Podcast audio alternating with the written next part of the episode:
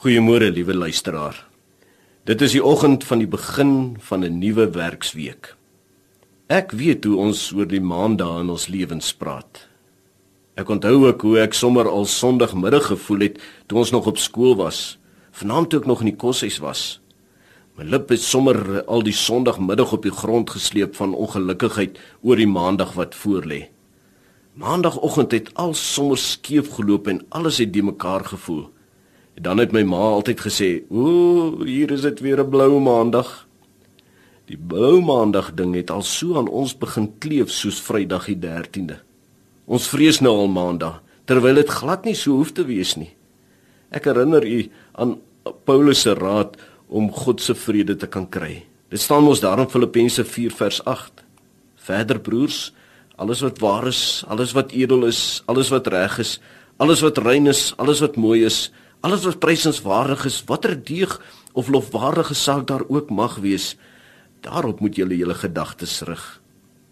Jy kan dus vandag blou inkleer met jou gedagtes.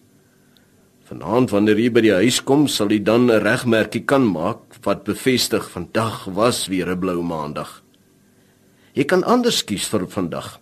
Jy kan dit vul met mooi gedagtes en jou denke stuur na wat Paulus jou aanbeveel. Moenie met die eerste lepel suiker wat jy vanoggend teen jou koppie boeretroos stamp dat die korrels die hele tafel vol lê. daarmee aanvaar dat die dag vir jou skeef gaan uitdraai nie. Dis wanneer jy vir jouself moet sê, rustig nou, jy is nie mooi wakker nie. Daar lê nog 'n wonderlike dag met heerlike uitdagings voor. Verander jou manier van praat met jouself.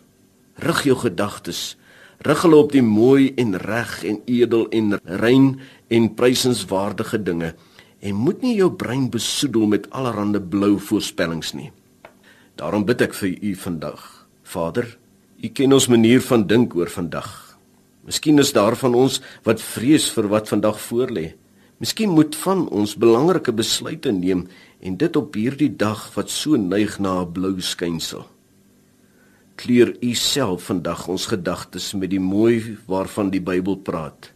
Kleur dit met die wete dat u in elke tree vandag saam met ons is. Kleur dit met die wete dat u getrou en regverdig is en ons nooit in die steek sal laat nie. Gees van God, help my om my gedagtes vandag op die mooi, die reg, die prysenswaardige te rig. Amen.